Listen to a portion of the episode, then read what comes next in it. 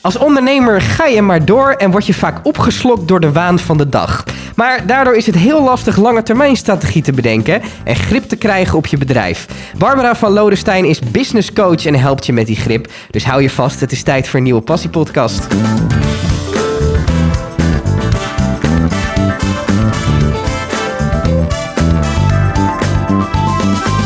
Barbara, tof dat je er bent. Uh, grip op je bedrijf, vertel eens wat meer daarover. Nou, ik heb onder, help ondernemers als uh, businesspsycholoog. En dat doe ik omdat eigenlijk heel veel ondernemers in de waan van de dag verstrikt raken. Mhm. Dus die hebben, starten met een grote droom. Hè. Dat begint eigenlijk vaak, uh, nou, misschien in de kroeg op een bierveeltje of in de, op een zoldertje ergens achter. Ja. Dat is een passie, nou, zoals jullie ook hebben denk ik met uh, deze podcast. Zeker. En dan gaan ze aan de slag, Mhm. gaan ze aan het werk. Ja. En voordat je het weet, het gaat goed, het is leuk, het is gezellig. Ze schalen op Ja. en dan blijkt in één keer dat ze in het wildwater terechtkomen. En Mhm. voornamelijk met de uitdagingen van gisteren bezig zijn in plaats van met de grote ondernemerstroom. Mhm. Dus daar heb ik mijn bedrijf voor opgericht vier jaar geleden. Om ze eigenlijk de grip te gunnen op hun bedrijf, op hun bedrijfsvoering moet ik eigenlijk zeggen. Zodat ze ook bevlogen kunnen blijven ondernemen. Ja, want dat, ik, ik denk dat heel veel ondernemers eh, de karaktereigenschap hebben om vooral heel erg te doen. Klopt. En, ja. en daar weinig over na te denken. ja. Maar maakt dat ook niet een goede ondernemer een goede Zeker. ondernemer? Absoluut. Het zijn eigenlijk vaak quick starters, hè, zoals je dat noemt. Dus ze hebben allemaal briljante ideeën. Mhm. En daar gaan ze mee aan de slag. Ja. En het, probleem wat het vaak is, is dat zo'n idee niet per se het beste idee is, of dat ze heel veel ideeën hebben. Mhm. En daar wordt het rommelig van, ook voor het team zelf, maar ook voor de ondernemer. Van waar beweeg je uiteindelijk naartoe over een aantal jaar en wat doe je dan vandaag? Dus daar help ik ze mee. En de kracht van het concept is dat je eigenlijk dingen gaat oplijnen. Dus met een duur woord in het Engels heet het alignment. Mhm. Dat je met je grote droom, die verhoudt zich eigenlijk tot een bestemming in de nabije toekomst. Mhm. En daar ga je op richten. Mhm. Dus dat betekent eigenlijk dat je, nou ja, je geld, maar ook je energie, eh, je talenten, eh, de informatie die zo door zo'n bedrijf heen gaat, dat je die veel gerichter neerzet op die bestemming in de nabije toekomst. Heb je die bestemming niet, dus alleen die hele grote droom waar het ooit mee begon, dan gaat het vaak alle kanten op. Ja. En daarom ben ik eigenlijk met ze bezig om te kijken van waar beweeg je naartoe, waar wil je zijn. En als je dat eenmaal bereikt hebt, dan zet je weer een nieuwe bestemming neer. Over welke termijnen hebben we qua lengte, qua jaren? Gemiddeld gaat het over drie tot vijf jaar. Vind ik een, een prettige eh, periode om overheen te Dat kijken. is nog best wel lang. Best wel lang. En het voordeel daarvan is dat je dan een uitdagend plan kan verzinnen. Dus dat moet ook een beetje spannend zijn. En Mhm. ik zeg altijd van nou, het hart mag wel iets sneller gaan kloppen en het bloed mag ook wel wat eh, sneller gaan stromen. Het mag spannend zijn, uitdagend, eigenzinnig. En het is dan vaak ook een plan wat je ook niet binnen een half jaar of een jaar bereikt. Mhm. Dus het dwingt je ook om iets te bedenken. Je denkt van nou, dat, eh, dat is spannend. Ik vind het grappig dat je precies eh, vijf jaar en een half jaar noemt. Elon Musk heeft ooit gezegd. eh, weet je welke quote dit gaat worden? Nee, nee oké. Die heeft ooit gezegd: ehm, je moet bedenken waar je over vijf jaar wil staan. En dan vervolgens kijken hoe je daar in een half jaar gaat komen. Interessant. Wat Ja, vind jij daarvan? Pittig. Dat is een heel kort antwoord. Nou ja, ik denk, er zit natuurlijk de energie die erin zit, klopt hè. Want het Mhm. maakt dat je dus heel gedreven aan de slag gaat. Mhm. Dus ik snap dat wel. Maar een plan wat je over vijf jaar wilt bereiken, is niet per se altijd in een half jaar te, bereiken. realiseren, Ja. Dus bij mij gaat het eigenlijk over het, ja, ik noem het wel eens het kritische pad. Dat is een, een term van Taco Oosterkamp trouwens. Het kritische pad waar je doorheen moet als ondernemer. Of je nou een ZZP'er bent, of je hebt een bedrijf eh, met een aantal mensen in dienst, of je bent een multinational. Er zijn een aantal stappen die je moet doorlopen om grip te houden op je zaak. Zeker als je wilt gaan groeien op termijn. En wat voor stappen zijn dat dan? Nou, voor, ik heb in zes stappen uitgewerkt. Mhm. En eh, mijn eerste stap die begint, is eigenlijk, dat doe ik met alle ondernemers en dat vinden ze ook heel fijn om te doen, is een kritische vraag die ik ze stel. En die is van hoe ben jij geladen als persoon? Mhm.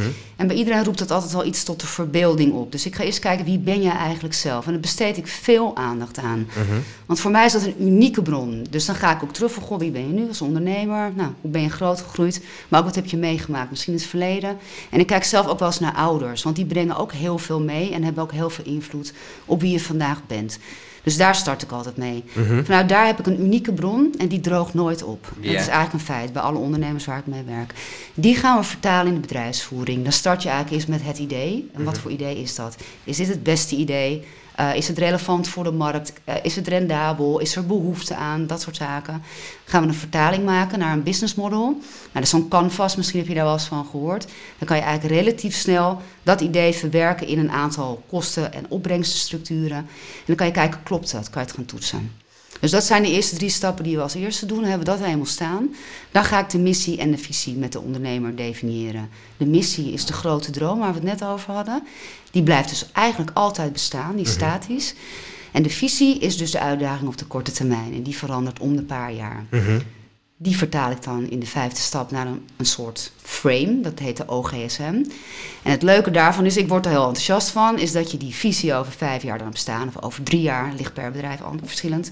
En die kan je dan helemaal gaan terugwerken naar stappen die je bijvoorbeeld deze week moet doen. En die kan je ook meten. Concreet En maken. Het is heel concreet. En wat ik er zo mooi aan vind, is dat je dus veel minder verlies hebt van energie, maar ook van talenten in je bedrijf. Maar vooral van informatie, daar heb je ook heel veel verlies van in bedrijf. Ja. Je krijgt grip, hè? Dus je komt als het ware, nou ik zou als een grapje, op de tractor te zitten in plaats van dat je eronder ligt. En dat willen ondernemers ook. Ook Mhm. die heel veel ideeën hebben en heel bevlogen zijn, die willen eigenlijk ook rust Ja. en richting. Ja. Ja, dus dat zijn de stappen die, eh, die we doorlopen.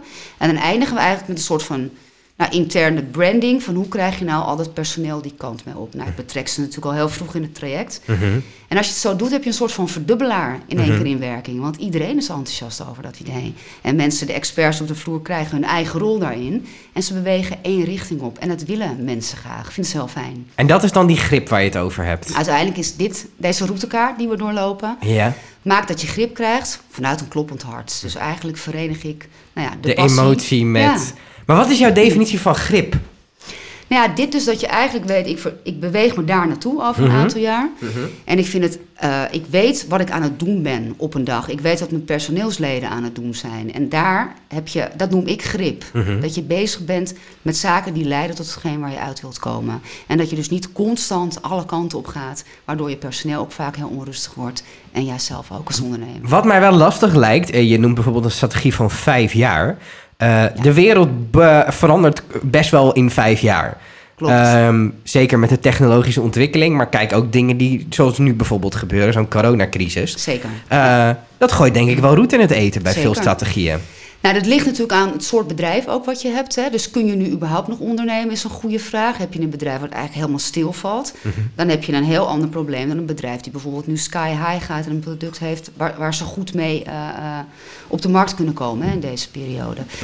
Wat ik met ondernemers altijd doe, is zeggen van het is niet zozeer het. eh, je moet eigenlijk je product inzetten om het gedachtegoed van je bedrijf te verkopen. Dat Ja. vind ik een heel interessant idee. Ja. Want producten veranderen in feite altijd. Mhm. En dat, dat klopt in die vijf jaar. Nu is de doorloop van een bedrijf, bestaansdoorloop is 12 jaar. Vroeger was dat 50, Veel langer. 60 jaar ja. Ja. Dus die termijn is ook veel korter geworden. Mhm. Uh, maar het feit dat je een aantal jaar vooruit kijkt, maak er drie, maak er vijf, en dat ligt per bedrijf dus verschillend, Mhm.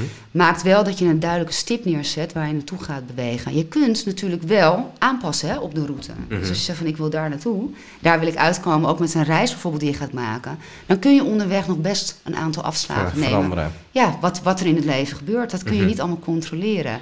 Maar je hebt in ieder geval wel een soort van. Nou, je kijkt niet helemaal in het donker, zeg Mhm. Je hebt een soort van lichtstraal. Je zet die stip een beetje neer om te weten, oké, eh, nu ga ik me daar zoveel mogelijk naartoe bewegen. Ja. En als je er onderweg achter komt, oké, we moeten toch een klein beetje die kant op, een klein beetje dat. Of soms misschien een grote stap. Klopt. Ehm, dan zet je die en dan verander je je stip ook misschien. Dat zou kunnen en daarom is het zo belangrijk om er aan de voorkant Maar dat zou kunnen, initieert een beetje dat je eigenlijk zegt, nee, eigenlijk niet. liever niet. En dat is, dat is het mooie aan dit systeem, dat je aan de voorkant heel goed nadenkt over waar je mee bezig bent. Daar zet je een aantal grote doelen op en strategieën. Mhm. En liever verander je die niet. Dus dat zijn eigenlijk de vaste stappen die je gaat nemen. Tenzij er iets heel onverwachts gebeurt, Mhm. zoals nu bijvoorbeeld. Of dat een, eh, een belangrijk persoon, een directeur uit het bedrijf vertrekt. Of nou, noem het maar wat, of er is een overname. Dus natuurlijk kan het gebeuren dat je je strategie moet aanpassen. Maar bij voorkeur eh, richt je je toch op een bepaald doel. En het doel wat je dus hebt hè, over een aantal jaar, dat dient je grotere droom. Mhm. Als je hem bereikt hebt, zet je weer een nieuwe en een nieuwe. En zo blijf je eigenlijk, ben je je droom aan het besturen. Dat Bij- is het idee. Bij midgrote tot grote bedrijven, maakt het dan uit wie de directeur is? Ik zou zeggen van niet. Maar het is ook een gewaagde uitspraak. Visionaire Ja, ik ben het met je eens, maar het is een gewaagde uitspraak. Ja, ja. Nou, visionaire bedrijven, dan baseer ik me eigenlijk op het werk van, uh, van Collins. Ik weet niet of je die kent, die heeft een prachtig boek, uh, Last. Die zegt ook echt een mooie visionaire bedrijven zijn in principe niet afhankelijk van hun directeur. Ja. Wat je wel vaak ziet, is dat het charismatisch leidinggevende zijn en die ook goed nadenken over het gedachtegoed van zo'n bedrijf. En dat soort personen zoek je en die kunnen dat steeds voortzetten. Dus het is niet zozeer een individu wat zo'n bedrijf runt, maar meer een spirit of, een, of een, een, het gedachtegoed eigenlijk waar je op voortvaart. Vind je Uber daar een interessant bedrijf? Op, Ehm, opgericht met een CEO die dacht, we kopen gewoon landen over. Ja, Ehm, en nu geleid door een heel neutraal iemand. ja, klopt. Weet, ik weet daar, moet ik heel eerlijk zeggen, niet al te veel van af. Behalve dat hij natuurlijk in een slecht daglicht is komen Ja. te staan. Eh, het is natuurlijk wel een disruptief idee. Dat Mhm. vind ik interessant. Dus dat je als ondernemer altijd goed moet opletten van... terwijl jij aan het nadenken bent over hetgeen wat je aan het doen bent... of misschien wel geleid wordt door de waan van de dag... zijn er altijd early eh, adapters die een heel nieuw plan verzinnen. Uber is daar natuurlijk een prachtig voorbeeld van. Airbnb is er ook een prachtig voorbeeld van. Ik denk dat je goed moet kijken wat is zijn gedachtegoed geweest... en in hoeverre heeft dat bestaansrecht op de lange termijn. Daar moet je iemand bij zoeken die dat blijft uitdragen. Zeggen, ja, dus dat Ja. kan ook iemand anders zijn. Zeker. Vinden Juist. ondernemers dat leuk als je dat tegen ze zegt? nee, natuurlijk Nou, niet. Nou, dat verschilt moet ik zeggen. Want het is ook best een aantrekkelijk idee om ondernemers... die van mij zeggen dat eigenlijk best wel vaak... van ik wil mijn bedrijf opvolg klaarmaken. Uiteindelijk wil ik wel eens een lekkere stap naar achteren doen. Ja. En, eh, Ik heb eh, genoeg geld binnen, ik ga lekker op de Bahamas zitten. Juist, op de Bahama's. Mhm. Dus ze hebben daar best belang bij om eigenlijk iets te creëren wat ze makkelijk kunnen overdragen. Is er veel corona op de Bahama's? Goeie vraag. Heel Ik zou er eens heen moeten, ik weet maar, niet. maar dus er zijn ook wel veel mensen die dat ook, ondernemers zelf, die hun ego daarin opzij kunnen zetten en denken, ja, Hele goede vraag, wederom. Eh, dat is ingewikkeld. Mhm. Dat is ingewikkeld. Om, ei- om sowieso om je ego opzij te leggen, ik zeg dat noem ik altijd, je ego afleggen is natuurlijk een, een, een behoorlijke opgave voor heel Ja. veel mensen. De wens is er altijd wel. De ondernemers die ik zie, die hebben zoveel liefde en passie voor hun bedrijf. Het is bijna hun kind. Dus Mhm. dat is echt, het ligt heel dicht bij hun hart. Maar op termijn zouden ze dat wel op een goede manier willen overdragen. Mhm. Nou, dat kan niet als je het hele tijd het bedrijf blijft omarmen Vasthouden. of beknellen. Of, ja. ik denk dat veel ondernemers dat wel doen. Ook al willen ze die opvolging. ja, klopt. Wat zeg jij Ja. tegen die ondernemers? Nou ja, dat is dus het traject van hoe ben jij geladen, hè, waar we starten. Is dat ik eigenlijk heel goed met ze kijk van wat voor persoon ben je en wat een kracht is dat, hè, als je dat in je bedrijf kunt brengen. Mhm. En hoe mooi is het als je op een gegeven moment van oprichter gaat naar een mentorrol Mhm. voor jouw opvolgers. En dat is dan een nieuwe uitdaging voor ze. Ze worden eigenlijk uit de ene rol ontslagen als nou, een soort van operations manager, strateeg, ze doen van alles. Naar de rol van, doe een stapje naar achteren. En ik ga een jonger iemand de ruimte geven om met mijn gedachtegoed ja, het weer nieuwe vleugels te Dat is geven. vaak ook een heel symbolische positie, hè? Eigenlijk wel, ja. ja. En dat vinden ze best aantrekkelijk. Mhm. Ja. Maar is dat niet meer een soort ease-out strategie? Zo van, je houdt die symbolische functie. In het begin zal je er drie dagen zijn, dan twee. En op een gegeven moment ben je er niet meer. Zo zou je het kunnen zeggen. Dat ligt natuurlijk ook per ondernemer verschillend. Zeker. Maar de wens zie ik wel. Nou werk ik ook met veel ondernemers die op middelbare leeftijd zijn. Mhm. Dus die kijken daar ook wel naar. Die was zo hard gewerkt altijd. Ja. En die verlangen ook wel weer eens naar een, iets anders. Naar iets Mhm. nieuws. Of naar een nieuw project kan ook. Dus er is heel veel winst te behalen juist erop. Maar dan moet je wel een, een, een iets gere- gerealiseerd hebben wat stabiel is. En wat je ook nou ja, de aandacht hebt gegeven geven. die het verdient. En op een mooie manier kan doorgeven. Wat mij lastig lijkt, ehm, als, ik, als ik kijk naar, oké, eh, jij komt vanuit de positie, we gaan een strategie bedenken voor vijf jaar. Ik denk dat een gemiddelde ondernemer meer bezig is met morgen dan over vijf jaar. Het is een beetje water en vuur tegenover elkaar. Klopt. Hoe bemiddel je daarin? Nou, ik werk graag op de snijvlak. Dus Mhm. dat is iets wat ik prettig vind. Dus ik heb eigenlijk ook twee kanten in. Ik ben een hele sympathieke, hele aandachtige luisteraar voor ondernemers. Dus dat vinden ze heel prettig. Mhm. Maar ik heb ook wel wat dolke energie over me. Dus ik kan ook wel wat. Wat, wat hoe zijn. definieer je dat? Dolke energie. En wat, wat is daar voor jou de betekenis van? Nou, dat is ook een beetje scherpe energie. Dus ik loop ook een beetje met ze op het scherpst van de snede. Dat past ook goed bij mij. Ik ben een schorpioen, zeg maar. Dus daar, Mhm. misschien heeft het daar ook wel iets mee te maken. Eh, en dit soort ondernemers, die vinden dat wel prettig. Mhm. Want over het algemeen zijn ze natuurlijk de kapitein op het schip en gaan ze. En het bedrijf beweegt daarin mee. Dus een beetje een scherpe eh, tegenenergie Mhm. vinden ze ook wel uitdagend. Ze vinden het ook wel leuk om een beetje te botsen en uitgedaagd te worden. Dus daar zit mijn kracht. En het is water en vuur. Ja. Maar omdat we een gezamenlijk doel hebben, dus niet zozeer de strategie voor vijf jaar, maar die visie. En die visie is dat uitzinnige, of dat eigenzinnige, eh, spannende, ambitieuze idee. Mhm. En daar werken we samen aan. Is het een probleem dat ondernemers in een wat groter bedrijf vaak geen tegenspraak meer krijgen? Denk het. Ik hoor ze wel zeggen van nou, de mensen waar ik mee praat, daar, die gaat eh, de rechterbroekzak in en de linkerbroekzak weer uit bij wijze van spreken. En dat voelen ze aan hun water. Het is vanuit Dat die werknemer wel logisch natuurlijk. Nou ja, dat, dat, is, nou, ja, dat is het ook. Je moet daar ook lef voor hebben. En het zijn ook vaak niet de makkelijkste mensen, omdat ze natuurlijk altijd heel hard gewerkt hebben met heel veel ziel voor de zaak. eh, vinden ze het ook ingewikkeld om terug te stappen. Dus dat is ook niet eenvoudig. Toch zijn de mensen die daar omheen zitten, dus de MT's of, of de, eh, de managers, bedrijfsleiders, noem het allemaal op, die gaan altijd mee in het traject. Dus die coach ik net zo als de founder om eh, die scherpte aan te brengen in de overname. Dus je moet ze uiteindelijk op één lijn zien te krijgen. Ja. En dan moet je dus gedeelde winst zien te vinden. Mhm. En dat zit in die visie. Ondervraag jij werknemers binnen jouw werk? Zeker, Wat, zijn die eerlijk tegen jou? absoluut. Hoe, Ja. hoe, weet je dat zo zeker? Eh, ik zou bijna zeggen, ik voel het aan mijn water. Dat vind ik te makkelijk. Ik weet het eigenlijk, ik weet dat, omdat ik bijvoorbeeld een, een, eh, een klus die ik net heb afgerond, heb ik met de founder afgesproken. Ik wil met al je werknemers praten en daar ga ik heel veel tijd in stoppen. Dus in dit geval heb ik met iedere werknemer drie tot vier uur gesproken. Ja, en dan, je krijg je de shit wel naar boven. Dan krijg ik naar boven. Ik heb er ook bepaalde tools natuurlijk voor. In dit geval bijvoorbeeld een, een SWOT-analyse neergezet. Ze gaan kijken wat zijn de krachten en wat zijn de, de kwetsbaarheden in het bedrijf. Als je aandachtig luistert naar mensen, dan komt er eigenlijk heel veel uit. Dus dat gaat goed. Of we doen teamsessies met elkaar. Dan maak ik het een beetje spannend, dan maak ik het een beetje kwetsbaar. En het is, daar, daar komt van alles naar boven. Als je het maar gewoon aandachtig en zorgvuldig doet. Wat, zijn de, wat zie je nou in, in bedrijven eigenlijk altijd terug als problemen? Wat is nou een probleem wat eigenlijk elk bedrijf, he- bedrijf heeft? Bij de medewerkers of bij de oprichters? Mag allebei. Bij de medewerkers zie je heel vaak eh, dat ze zich een roepende in de woestijn voelen. Dat is eigenlijk het meest kenmerkende. Ik word niet gezien, ik word niet gehoord. Terwijl ik zulke mooie en Goeie leuke ideeën, ideeën heb. ja. dus dat is eigenlijk natuurlijk de bron van energie waar ik het no- net over had. Die verlies je Mhm. als ondernemer. De ondernemers zelf, die raken dus inderdaad verstrikt in de waan van de dag. Dus die Mhm. liggen wakker s'nachts, ze zijn piekeren. Die worden moe, die weten het niet meer. En het team wordt steeds meer ontevreden. Krijg je een beetje achterkamertjespolitiek, wordt een beetje eh, eh, eh, in, de, in de wandelgangen gekletst. En die ondernemer die voelt het uit zijn handen glippen. Waarom fokt elk bedrijf dit zo op? Ik denk dus persoonlijk, en daarom is mijn antwoord, is mijn bedrijf Grip door Visie, omdat ze dus niet goed nadenken over die bestemming in de nabije toekomst. Omdat ze gewoon gaan doen, nieuwe ideeën, weer gaan doen. Het bedrijf wordt er eigenlijk heel onrustig van. Dus je moet je voorstellen, dat ondernemers hebben een idee in hun hoofd en die denken dan vaak, snapt iedereen wel.